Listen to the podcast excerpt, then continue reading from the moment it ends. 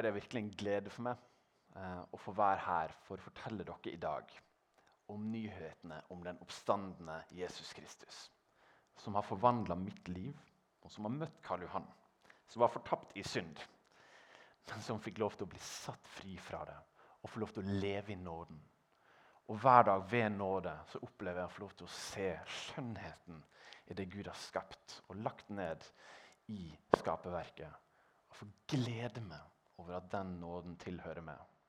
Og jeg håper at den gleden kan bli dere. Og jeg takker Herre fordi at den menigheten her har del i din nåde.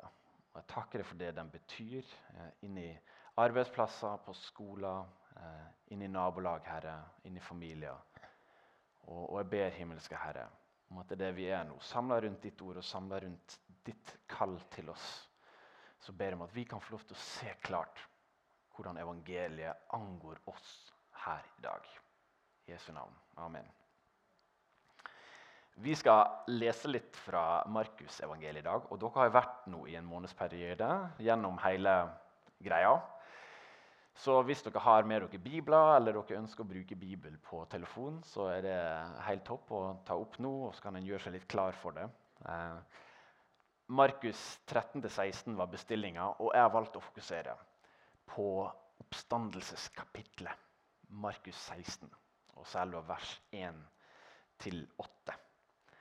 Før vi går inn i det, så har jeg likevel lyst til å gå helt tilbake til begynnelsen av Markusevangeliet der dere jo allerede har vært. Men for min del så ble det her liksom veien min inn i det også. Og Da begynner Markus, da, som er forfatteren av evangeliet, han begynner med å skrive det her i første kapittelet, i første verset. Her begynner evangeliet om Jesus Kristus, Guds sønn. Og så skal vi lese slutten i dag. Eh, ikke der evangeliet slutter, men der hans fortelling om det slutter. Og jeg synes Det er litt fascinerende med disse her evangeliene, som det er fire av i Bibelen. Fire evangelier. Så er jeg litt fascinerende på å se på hvem var det som skrev det. For når eh, vi faktisk kaller evangeliet for evangeliet, altså Markusevangeliet, så er det ganske viktig. Hvem var det som skrev det, og hva, hva var hans beveggrunn for å skrive nettopp evangeliet om Jesus Kristus? Og Markus står der om i Bibelen. Så Det vi vet om han, det er det som står i Bibelen, og det som er nedarva av tradisjonen. Og I kapittel 12, apostelgjerningene kapittel 12, 12, så får vi vite at Markus var sønn av Maria. Det er mange Maria i Bibelen, og vi skal i teksten vi har valgt møte hele to av dem. Eh, og Navneforskere og historikere sier at dette var et veldig vanlig navn på den tida. Så Litt som Ola Nordmann i vår tid. Maria. Han var altså sønn av Maria. Hun var sannsynligvis en velstående dame fordi hun hadde et hjem som var åpna opp for alle de kristne i Jerusalem. Og En av de kristne i Jerusalem som Markus møtte regelmessig der, det var Peter. Apostelen Peter. Så Markus han har vært en gutt som har sittet ved Peters føtter. Og så har han fått gjenfortalt det Peter, Klippen, Simon, det han opplevde, har han fått gjenfortalt gang på gang på gang. på gang. Og så har det levd videre så sterkt gjennom Markus. Og så hadde han en gave fra Gud at han bare skrev den ned. han. Og så er det til velsignelse for oss i dag. Det er utrolig. Men Markus var ikke bare begrensa til å ha innflytelse av Peter. Men det står i apostelgjerningene litt senere, i apostelgjerningene 12, vers 25, så står det at Markus ble attpåtil med på første misjonsreisa til Paulus. Så Markus var også med han som kaltes for hedningenes apostel. Det var Paulus. Og så var liksom jødenes fremste apostel. Det var Peter. Så han fikk være med de to store virkelige lederne i den tidligste kirka. Men det gikk ganske dårlig etter det. Og jeg vet ikke om dere noen gang har opplevd at i en menighet eller mellom kristne så oppstår det konflikt. Vi blir uenige, og så blir vi uforsonlige og så skiller vi lag. Kanskje starte en ny menighet eller gjøre noe annet. Vel, Det skjedde med Paulus også. Paulus og Barnabas eh, og, og Markus var nemlig på reise, og så hoppa Markus av reisa. Den første misjonsreisa. Så når Paulus og Barnabas kom tilbake igjen, og så skulle de reise ut på en andre misjonsreise, da gikk de rett i tottene på hverandre. fordi Barnabas ville ha med Markus ut på andre misjonsreiser, men Paulus blånekta. Det står sånn som det her. Det ble en så bitter strid mellom dem at de skilte lag, Paulus og Barnabas. Barnus, Barnabas tok med seg Markus og seilte til Kypros, men Paulus valgte å ta med Silas. Eh, det smerter av og til litt å lese teksten, og så vet jo jeg fordi jeg leser videre, at ok, Guds rike ble jo brakt ut til hele den kjente verden. Så gode ting kom ut av det, men jeg lurer på om det var stolthet inni bildet også i det de brøt lag med hverandre. Jeg vet iallfall hvordan det er inni meg. Hvor fort gjort jeg avviser andre mennesker pga. dere de gjorde, og min, mitt behov for å rettferdiggjøre det jeg gjorde. Heldigvis så er ikke dette enden på visa i forholdet mellom Paulus og Markus. For vi får nemlig vite i andre Timoteus' brev når Paulus sitter i fangenskap i Jerusalem. og Så sender han brev til Timoteus, denne unge pastoren. Og Så sier han det til Timoteus. Kan du ikke ta og sende Markus til meg, for han er til så stor oppmuntring for meg? Halleluja, dere! Det er forsoning i Guds rike. Og det her, Denne forsoningsfortellinga levde Markus midt oppi i relasjon til sine store åndelige forbilder som jeg takker Gud for at de ikke feila på slutten av livet sitt, men som forblei trofast. I motsetning til det dessverre mange av mine forbilder opp igjennom har vært. Takk og lov for det. Og Så kommer han tilbake, og så ser jeg for meg Markus sitte og lese opp evangeliet for Paulus i fangenskap. Tenk hvor flott det må ha vært for Paulus å bli minnet på det var det her som skjedde. Her begynner evangeliet om Jesus Kristus. For en oppmuntring for en gammel, knust mann i fangenskap. Å få høre at den neste generasjon ikke bare har grepet det, men evner å gjenfortelle det på en måte som nådde nye mennesker. For Markus han skrev i motsetning til Matteus så skrev han til både jøder og hedninger. Og hvis du er type sånn, du liker actionfilmer mer enn du liker sånn karakterdrama, da er Markusevangeliet noe for det. Fordi det er det mest handlingsfylte evangeliet med minst mulig prat og mest handling. Du møter Jesus, den actionfylte Messias. Jeg syns det er nydelig. Jeg, altså. Jeg synes det er helt nydelig hvordan Markus legger det fram. Og Markus han snakker gjennom hele evangeliet om Jesus, den utenkelige kongen. Det er det første punktet jeg vil dere ta med dere i dag. At Jesus for Markus var like sjokkerende, og Jesus for de tolv apostlene som fulgte han gjennom tre år, var like sjokkerende da som han ville vært i dag om han hadde vist seg og åpenbart seg med sitt sanne kongedømme og sitt sanne kongeembete. Jesus er den utenkelige kongen med det utenkelige kongeriket. Og Når dere har nå vært gjennom Markusevangeliet, så har dere kanskje vært borti disse her gjentagende hendelsene, f.eks. i Markus 8, 9 og 10, der Jesus tre kapittel på rad snakker om at 'jeg kommer til å dø', og 'jeg kommer til å stå opp igjen'. Han forbereder apostlene på det, og så sender han alle andre vekk. Det står flere ganger at han ba folk om å ikke fortelle alt det store han gjorde. Og, og, han gir en tydelig grunn for det. Fordi det viktigste for han var at apostlene skulle gripe det. Ikke alle andre. Det ble bare en forstyrrelse. Og så gjentar han altså tre ganger det her med, med 'Jeg skal dø, og jeg skal stå opp igjen'. Og det, det rokker ved hele dette verdensbildet. Og så mye rokker det ved hele deres forståelse av hva en messiaskonge skulle være. Den messiaskongen som f.eks. Daniel profeterer om når han i, i kapittel 7 vers 14 skriver Han fikk herskermakt, ære og rike, så alle folk og nasjoner og tungemål skal tjene ham. Det var den Messias de venta på. Han som skulle konge med politisk makt, med militært lederskap. Han som skulle komme og overbevise folkemengden og få alle med seg. Og de som apostler, hvor skulle de være? de skulle sole seg i glansen av kongen. For en plass å være! Sann apostel ville jeg også vært hvis jeg kunne bare solt meg i glansen til statsminister Erna eller president Putin. Nei, jeg tror ikke det. De hadde et sett med forventninger som satt så hardt i at selv om han sa tre ganger på rad jeg skal dø dere. Og vet du hva Han etterfulgte den første gangen i kapittel 8 med å si han sa jeg skal dø og hvis dere vil følge med, så må dere også komme til å bære korset deres. Dere kommer også til å lide min skjebne for mitt navns skyld. Det var første gang det var første gang han svarte. Andre gang han sa til dem at ja, og Første gang for øvrig så, så prøvde Peter å irettesette himmelens herre. Messias, Gud, kongen, ble irettesatt av Peter. Vik bak meg, Satan, var Jesus sin passende respons til det. Og Sånn merker jeg at ofte jeg også prøver å irettesette iblant Guds ord, fordi at det ikke nødvendigvis passer inn med min forestilling om hvordan Gud skal virke i mitt liv. Og jeg tror det er noe å ta til seg for oss alle, fordi jeg tror vi alle fort kan falle for den fristelsen. Andre gang så sier, så sier Jesus jeg skal dø, jeg skal stå opp igjen. Og vet du hva som følger like etter han sier det den gangen? Det står for det første, og de skjønte ingenting av det han sa. Og så begynner de å krangle om hvem som skal være den største iblant dem. De begynner å krangle om hvem som skal få mest ære, og hvem som skal ha den viktigste plassen. Og, eh, og Jesus må jo bare riste på huet. Jeg, jeg vet ikke hva han kan ha tenkt. Og så skjer det attpåtil igjen i kapittel 10. Han sier nok en gang menneskesønnen skal bli overgitt i menneskehender, og de skal slå han i hjel, og tre dager etter sin død skal han stå, stå opp.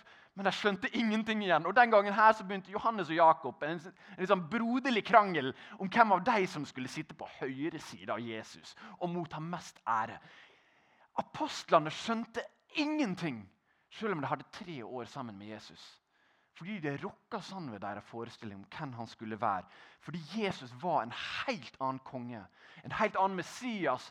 Og Guds rike er et helt annet kongedømme enn de kunne forestille seg. Og, og strengt tatt så er Jesus like sjokkerende i dag. For hva er hans svar når de sier vi vil være stor og motta ære? Jo, du skal være liten. Du skal bli en slave for alle. Du, så dårlige nyheter de har vært for deg, som var klart til å sole seg i glansen. At de skulle både bære korset sitt og bli slaver og være tjenere og være små. Og så løfta Jesus attpåtil fram et barn i kapittel 10 for å vise hvordan de skulle vært. Og barn var ikke som i dag. I dag så er barn de som setter premissene for familien. Sånn som barnet vil ha det, sånn blir det. Da var barna vedhenget til de voksne. Og det var ikke barna som skulle bestemme. Barna var til for de voksne. de. Jesus er en sjokkerende annerledes konge og en sjokkerende annerledes måte å vise makt på enn det vi kan forestille oss og er vant til. Og Jeg vet ikke hvordan dere har forestilt dere Jesus, men jeg møter veldig mange i dag som, som har blitt kjent med selvhjelps-Jesus. Har dere hørt om selvhjelps-Jesus? Selvhjelps-Jesus det er Jesus som skal hjelpe deg sjøl til å bli ditt beste selv og nå dine egne mål. og han skal, han skal, hjelpe deg til å nå ditt fulle potensial, og helst på den måten at du får best mulig karakterer, den best mulige jobben og den best mulige framtida. Selvhjelps-Jesus dere er utrolig liten og annerledes enn den Jesus som sier dere kommer også til å måtte bære dere kors. Men det kommer til å være verdt det. Noen i dag ser for seg privatsaks-Jesus. Jeg vet ikke om du kjenner privatsaks-Jesus, men veldig mange her inne vil jeg tro, akkurat som meg, og som hele den kristne kirka i Norge, har langt på vei gitt inn for privatsaks-Jesus. Og vi har gitt etter for ideen om at Jesus han skal du holde for deg sjøl når ingen andre ser. Jesus, Ikke driv og snakk om han i offentligheten. Det er som å løpe naken rundt på gata. Hold det for deg sjøl. Det er en privatsak. Privatsaks-Jesus, dere. Han koster veldig lite, for du slipper, du slipper å følge ham i storparten av livet ditt. Men det er ikke Jesus i Det nye testamentet. Jesus kaller etter å følge han i hele livet deres. Noen av dere har kanskje kjent strenge Jesus. Dere har vokst opp med streng og hard pietisme, og dere kjenner at det knytter seg i magen hver gang dere hører snakk om omvendelse og synd, fordi at alt dere har sett, er strenge Jesus som stiller krav og forventer noe av dere. Og så har dere ikke sett at i andre enden så er Jesus så nådefull med det at han har allerede glemt alt det du går og bærer på. Og strenge Jesus holder deg fast i en forståelse av han, men Jesus ønsker å sette deg fri til et liv i nåde og etterfølgelse. Han har aldri bedt dem å holde fast ved synda di. Han har sagt 'Jeg kaster det bak meg. Jeg har hengt på korset for det.' La det nå gå. Jesus er opp-ned-kongen. Han er sjokkerende annerledes og overraskende. Det er første punktet. Og Så kommer vi til dagens tekst, og jeg leser kapittel 16, vers 1-8. Etter at Jesus har dødd på korset, blitt lagt i ei grav, så kommer det noen til grava. Da sabbaten var over, det var på søndagen om morgenen, kjøpte Maria Magdalena, Maria Jakobs mor og Salome velluktende olje for å gå og salve ham. Tidlig om morgenen den første dagen i uken kom de til graven da solen gikk opp.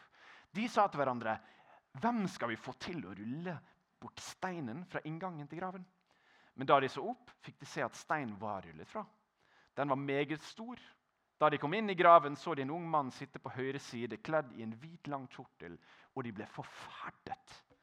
Men han sa til dem, 'Vær ikke forferdet.' Dere leter etter Jesus fra Nasaret, den korsfestede. Han er stått opp. Han er ikke her! Se, der er stedet hvor de la ham. Men gå, gå og si til disiplene hans og til Peter han går i forveien for dere til Galilea. Der skal dere få se ham slik som han sa dere. Da gikk de ut og flyktet bort fra graven, skjelvende og ute av seg. De sa ikke et ord til noen, for de var redde. Sann lyder Herrens ord. Sann avslutta også de tidligste versjonene av Markusevangeliet. Altså kommer etter kapittel 8 der. Det har vi bare funn av manuskript fra det andre århundret. Så kanskje var det sånn det slutta da Markus leste det for Paulus, som han hadde blitt forsont med. Og det er litt rart at det slutter med De så, sa ikke et ord til noen, for de var redde. Punktum. Neste avsnitt slutter på akkurat samme måte. Disiplene trodde ingenting, og Jesus irettesatte dem. Og du får følelsen av at Her slutter det på en måte som skal trigge oss til å finne ut hva skjedde egentlig i forlengelsen. Og det slutter på en måte som stiller oss over for valget. Hva skjer i forlengelsen når vi hører evangeliet i våre liv? Hvor fortsetter det? Det er det andre punktet. Jesus var en annerledes konge, men etterfølgerne hans befant seg nå i en situasjon der de var livredde. Husk da, de hadde sett døden i øynene bare et par dager i forveien, da Jesus hang på korset, og de var sikre på at de hadde mista han. Akkurat sånn som dere som menighet har mista en av dere egne. Og dere vet at hun får dere ikke tilbake. Nå er hun død. Det er som et egg som faller ned og knuser. Du kan ikke reparere det igjen. Det er endelig. Det er som et øyeblikk når det er over. Det er umulig å gjenskape akkurat det øyeblikket. Det er ferdig. Noen ting er endelig, og det skremmer livskiten ut av oss. Jeg vet ikke hvordan det er med det. Men når jeg stirrer det endelig, det som jeg ikke rår over, der jeg står maktesløs, sånn som døden i øynene, så kjenner jeg også på en slags frykt og avmakt i møte med det. Og når jeg ser mine nære dø og forsvinne og vite jeg skal aldri mer på jorda ha et forhold til deg, så kjenner jeg på en frykt, jeg også. og Jeg vet ikke hvordan det er med dere, men jeg tror at damene som kom til grava her, følte på den frykten og avmakten og sorgen og tristheten som gjorde at blikket deres var nedvendt, nedadvendt. I hvert fall så var det sånn at De retta opp blikket på et tidspunkt. Og jeg vet ikke om de var så forfjamsa at de ikke hadde tenkt på hvordan skal vi få vekk den steinen foran grava. For den veide jo flere hundre kilo. Men i hvert fall så løste jo det problemet seg ganske greit. Det gjorde jo at de ble enda reddere. Maria Magdalena, kvinna som Jesus hadde drevet ut sju onde ånder fra. Maria, mor til Jakob, sønnen av Alfeus, det var den yngre Jakob av apostlene. Og den eh, dama som het Salome, mor til Johannes og Jakob, de som sloss om hvem som skulle sitte på Jesu høyre hånd. Dette var mødre med forkjærlighet for sine sønner, som hadde møtt den ene sanne levende Gud. Kjære mødre her inne. Tusen takk for at dere var de første som gikk til grava for å gi Jesus den æren som det en skulle gi folk på den tida var. Men de kom ikke for å salve kongen, kong Jesus, sånn som vi kan lese om tidligere i Markus evangeliet. De kom for å salve et lik. For de tenkte at alt håp er ute. Og nå har de kasta bort tre år av livet sitt. Det hadde vært mange flotte øyeblikk, men han viser seg jo ikke verden de hadde venta. Når vi blir overraska på den måten, og vi ser at ting var helt annerledes enn vi trodde, ja, da rokker det ved noe i oss. Vi må endre vårt tankesett.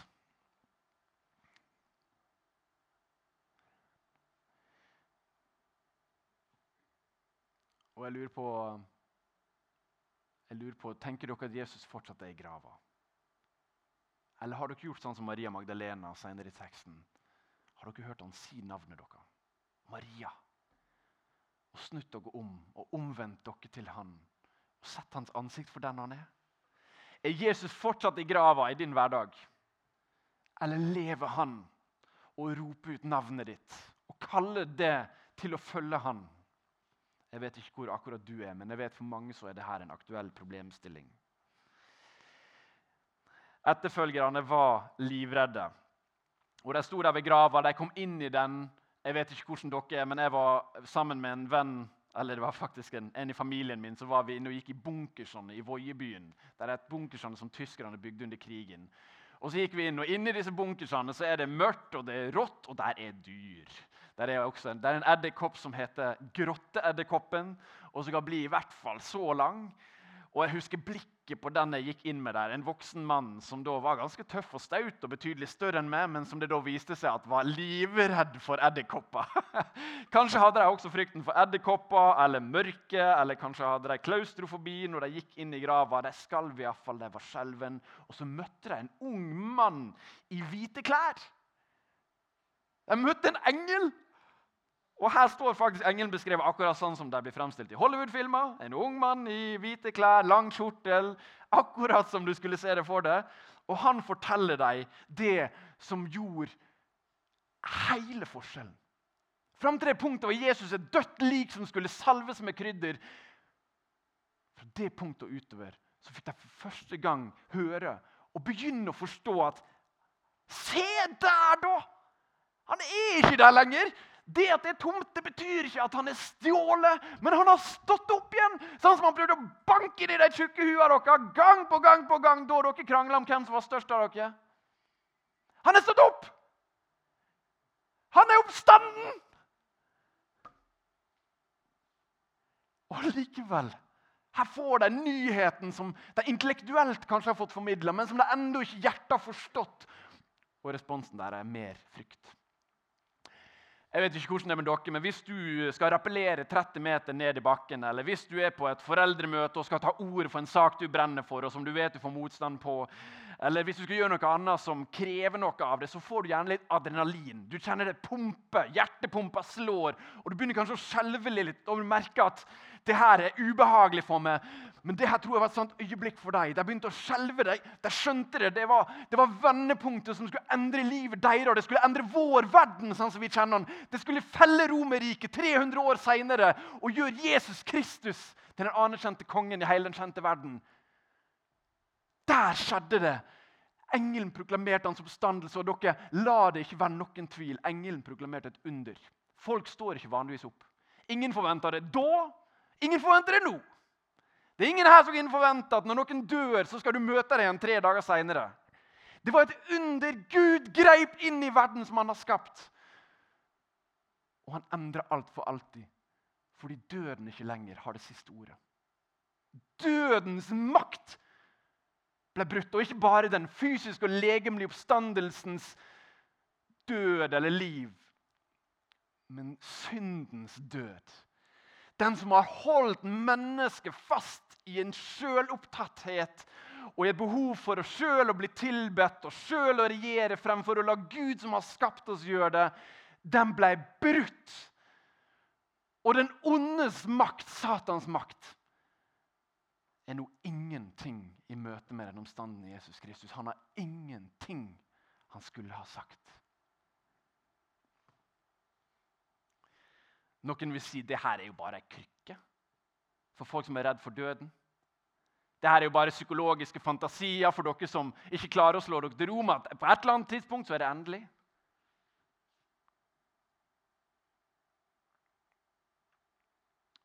Det er ingen krykke. For det er disse Mariaene og Salome og disiplene som etter hvert også skjønte det. For det de gjorde, det var ikke å gå ut i et liv i sus og dus med gull, røkelse og myrra. De gikk ut i et liv der de kom til å bære sine kors. Du ofrer ikke, ikke, livet ditt for noe som du innerst inne vet at bare er ei krykke og en psykologisk fantasi. Når du kommer til stykket, så ofrer du livet ditt fordi du tror at noe er helt og holdent sant, og du vet at det er verdt å dø for. Det er ingen krykke. Det er bare en moderne idé og løgn. Ikke kjøp den. Guds rike er så mye større. Andre, som f.eks. muslimene. Det står i, i Sure 4 eh, i Koranen at Jesus døde ikke egentlig. Det, det, var, det, var, bare en illusjon at at han hang på korset. Eller det var bare en illusjon at han døde. Han, han kunne ikke dø fordi Gud sitt sendebud, Gud sin profet eller Gud sjøl enda mer, kan jo ikke dø eller fornedre seg til å være en tjener eller fornedre seg til å stå under dom en menneskelig domstol og bli hengt på et kors. Gud er jo større enn det. Men Gud viser sitt opp-ned-kongedømme igjen og igjen jeg viser ikke min makt gjennom å bli krona på en gullstol, men å bli krona på et kors. Jeg viser ikke min storhet gjennom å få ei gullkrone, men ved å få ei tornekrone. Min kappe er ikke lang og purpurrød og henger ikke om mine skuldre idet jeg blir krona. Men den blir revet av med og utlodda i det utåndet mitt siste åndedrag. Har dere møtt en sånn konge noen gang? En som kan sende bud til hele den himmelske hæren og bare Men som i stedet så står han og så tar han imot all verdens synd og bærer dem på sin kropp tar dem ned i dødsriket, hvorfor alle som vil vende seg om til han, de vil forbli. For alle som ønsker å følge sin egen vilje, så sier Jesus Kristus, 'Vær så god, jeg skal ikke hindre det'. Men for alle de som på det tredje punktet får gjøre som Maria i forlengelsen, og vi kan lese i parallellen Johannes evangeliet, som får møte Jesus. Det står det at Jesus sto der rett foran henne, men hun gjenkjente han ikke. Hun snudde seg fra han men så var det ett ord som måtte til for at Jesus skulle høre sin mester sin stemme. Og det ordet vil at du skal trykke til ditt hjerte og bytte det ut med ditt navn. For det var Maria. Jesus er en konge som ikke er fjern og langt borte, men en konge med et navn. Han kaller også oss ved navn. Og han sier ditt navn. Du kan hviske det inni deg sjøl her og nå, eller du kan si det høyt, ditt navn. Men Jesus står overfor meg og sier, 'Karl Johan.' Og så er min jobb det å vende meg om og se på han. Og det er frelsen, dere. Det å vende seg om og se på han og anerkjenne, som Maria gjorde i det samme øyeblikket. 'Rabbi!' Og så ville hun klemme han, men omstendighetene var nye, og han var ikke lenger den han hadde vært fram til da. Men han lovte henne fra det øyeblikket utover så var hun henne, og han hun, hun var hans, og, og, han var henne. Og Det samme løftet har han til deg når han roper ut ditt navn og lengter etter at du skal vende deg om. Hvis du sitter her i dag og du er av de som har vendt deg om en gang Kanskje hadde du et Maria-øyeblikk, du også, der du fikk se Jesus for den han var. Og du, så fantastisk. Takk Gud for det. Takk Gud for det. Det har sikkert endra livet ditt. Og det fortsetter å endre det. Husk tilbake på det øyeblikket. Verdsett det, tenk på det, skriv det ned. La det leve videre i ditt liv, gjennom din kropp og gjennom dine handlinger. Og husk at akkurat som Maria og disiplene ble satt på prøvelser og Det var ikke sånn at det livet ble enkelt, det livet å følge Jesus. Men det ble fantastisk flott. For selv om de mista alt, som Paulus skriver, så vant de alt det paradokset vi får lov til å leve i. Jeg blir særlig, og jeg ble særlig minnet på før denne talen her, til å minne alle dere som har vendt dere om til Jesus og gitt livet dere til han, og fortsette å leve i det. Fortsette å gjøre som menighet og som enkeltmennesker det som Paulus sier at vi skal gjøre, nemlig å feste blikket på Han som er hodet, Jesus Kristus, i alle våre ting. Det er i Han vi blir forent, og det er Han vårt budskap og evangelium blir levd ut gjennom våre liv, sånn at det blir til gode nyheter for andre. Og Hvis du er her i dag, og du vet i ditt hjerte og du vet i ditt hode at du har gitt livet ditt til Jesus, så vil jeg du skal vite at på samme måte som Jesus ropte Maria, så roper han ditt navn. Og Det evangeliet som Jesus hadde å komme med, det var kanskje ikke en enkel walk in the park. Det, det inviterer, du inviteres ikke til et liv der du tar en enkel avgjørelse, og så er det gjort som en magisk formel, så er du frelst, og så, og så er det ikke mer du skal tenke på det. Du inviteres inn i et liv med et forhold til annerledeskongen, som viser sin makt og storhet gjennom å bli liten og gå dit folk er. Og det kaller han også det til. Hvis du vil vende deg om til Jesus i dag, så er det ingenting som hindrer deg fra det. Men Jesus kommer til å forvente at du gir hele livet ditt til ham. Og det er ingenting, ingenting jeg har vært så glad for å gjøre i mitt liv som det. Og Jesus ved sin nåde fortsetter å vise hvem han er gjennom hele den vandringa vi har her og nå. Og en dag så skal han vise sin storhet når han kommer tilbake. Og Kanskje er det det Daniel snakker om i kapittel 7. Når han snakker om en konge som kommer tilbake og viser sin makt og mottar all ære. Og så skal han krones som den han egentlig er, som vår regent, som vår konge, som den som regjerer over sitt skaperverk. Og han skal gjøre alle ting nye. Og du er invitert til å være med på det. Himmelske Herre, du ser hvordan frykt fort kan eh, styre oss bort fra å ta det viktigste valget av dem alle. Å gi alt til det. Legge det ned framfor det, Herre. Og jeg ber for alle oss som er her nå, Gud, at vi i dag kan gå ut med en fornya dedikasjon til at du er herre over alle omstendigheter av vårt liv. Og du er mektig nok til å ikke bare bryte dødens makt, men til å fortsette å gjøre det, Herre. Og du har brutt den for oss. Gud, hvis det er folk her inne som ikke ennå har gitt livet sitt til det, så ber jeg om at i dag må bli et sånt vendepunkt for deg, Herre. Være en stein i skoen deres neste uke om de ikke tar den beslutninga her nå, Gud. La dem få merke at du, Herre, har noe med deg å gjøre. Og la dem få merke at du er god og nådefull i tusener av slektsledd. Ber om i Jesu navn. Amen.